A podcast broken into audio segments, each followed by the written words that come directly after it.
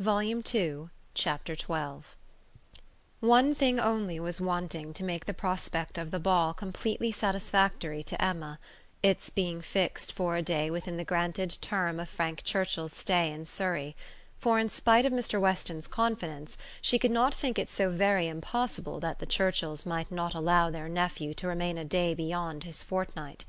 But this was not judged feasible; the preparations must take their time, nothing could be properly ready till the third week were entered on, and for a few days they must be planning, proceeding and hoping in uncertainty, at the risk, in her opinion, the great risk, of its being all in vain.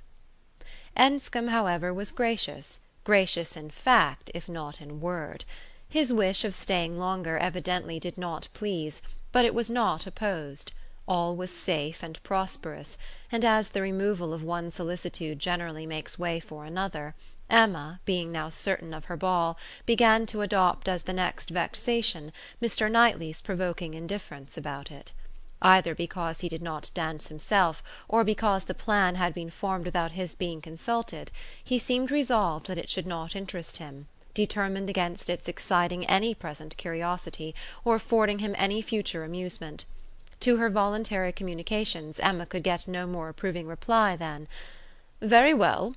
If the Westons think it worth while to be all this trouble for a few hours of noisy entertainment, I have nothing to say against it, but that they shall not choose pleasures for me. Oh yes, I must be there, I could not refuse, and I will keep as much awake as I can. But I would rather be at home, looking over William Larkins's weak account, much rather, I confess pleasure in seeing dancing! Not I, indeed. I never look at it. I do not know who does. Fine dancing, I believe, like virtue, must be its own reward. Those who are standing by are usually thinking of something very different. This Emma felt was aimed at her, and it made her quite angry. It was not in compliment to Jane Fairfax, however, that he was so indifferent or so indignant; he was not guided by her feelings in reprobating the ball, for she enjoyed the thought of it to an extraordinary degree; it made her animated, open hearted; she voluntarily said: "Oh, Miss Woodhouse, I hope nothing may happen to prevent the ball. What a disappointment it would be! I do look forward to it, I own, with very great pleasure." It was not to oblige Jane Fairfax, therefore, that he would have preferred the society of William Larkins. No; she was more and more convinced that Mrs. Weston was quite mistaken in that surmise. There was a great deal of friendly and of compassionate attachment on his side, but no love. Alas! there was soon no leisure for quarrelling with Mr. Knightley. Two days of joyful security were immediately followed by the overthrow of everything. A letter arrived from Mr. Churchill to urge his nephew's instant return.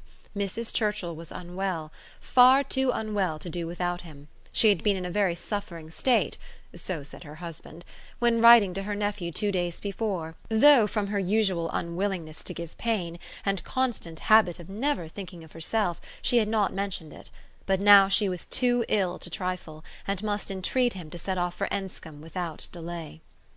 The substance of this letter was forwarded to Emma, in a note from Mrs. Weston, instantly. As to his going, it was inevitable; he must be gone within a few hours, though without feeling any real alarm for his aunt, to lessen his repugnance. He knew her illnesses; they never occurred but for her own convenience. Mrs. Weston added that he could only allow himself time to hurry to Highbury after breakfast, and take leave of the few friends there whom he could suppose to feel any interest in him, and that he might be expected at Hartfield very soon. This wretched note was the finale of Emma's breakfast; when once it had been read there was no doing anything but lament and exclaim. The loss of the ball, the loss of the young man, and all that the young man might be feeling! It was too wretched! Such a delightful evening as it would have been! Everybody so happy, and she and her partner the happiest. "I said it would be so," was the only consolation. Her father's feelings were quite distinct. He thought principally of Mrs. Churchill's illness, and wanted to know how she was treated; and as for the ball, it was shocking to have dear Emma disappointed, but they would all be safer at home. Emma was ready for her visitor some time before he appeared; but if this reflected at all upon his impatience, his sorrowful look and total want of spirits when he did come might redeem him. He felt the going away almost too much to speak of it; His dejection was most evident. He sat really lost in thought for the first few minutes, and when rousing himself it was only to say: "Of all horrid things leave taking is the worst." "But you will come again," said Emma. "This will not be your only visit to Randalls." "Ah," shaking his head, "the uncertainty of when I may be able to return. I shall try for it with a zeal. It will be the object of all my thoughts and cares; and if my uncle and aunt go to town this spring but I am afraid they did not stir last spring I am afraid it is a custom gone for ever." "Our poor ball must be quite given up." "Ah, that ball! Why did we wait for anything? Why not seize the pleasure at once? How often is happiness destroyed by preparation, foolish preparation! You told us it would be so. Oh, Miss Woodhouse, why are you always so right?" "Indeed, I am very sorry to be right in this instance. I would much rather have been merry than wise."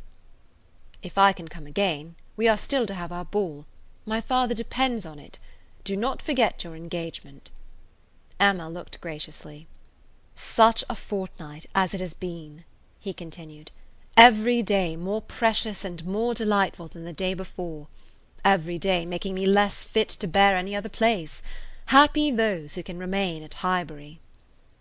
"As you do us such ample justice now," said Emma, laughing, "I will venture to ask whether you did not come a little doubtfully at first. Do not we rather surpass your expectations? I am sure we do. I am sure you did not much expect to like us. You would not have been so long in coming if you had had a pleasant idea of Highbury." He laughed rather consciously, and though denying the sentiment Emma was convinced that it had been so. "And you must be off this very morning?" "Yes. My father is to join me here. We shall walk back together, and I must be off immediately. I am almost afraid that every moment will bring him." "Not five minutes to spare even for your friends Miss Fairfax and Miss Bates? How unlucky! Miss Bates's powerful, argumentative mind might have strengthened yours." "Yes, I have called there. Passing the door I thought it better. It was a right thing to do. I went in for three minutes and was detained by Miss Bates's being absent. She was out, and I felt it impossible not to wait till she came in.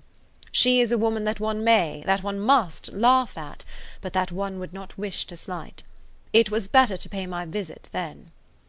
He hesitated, got up, walked to a window.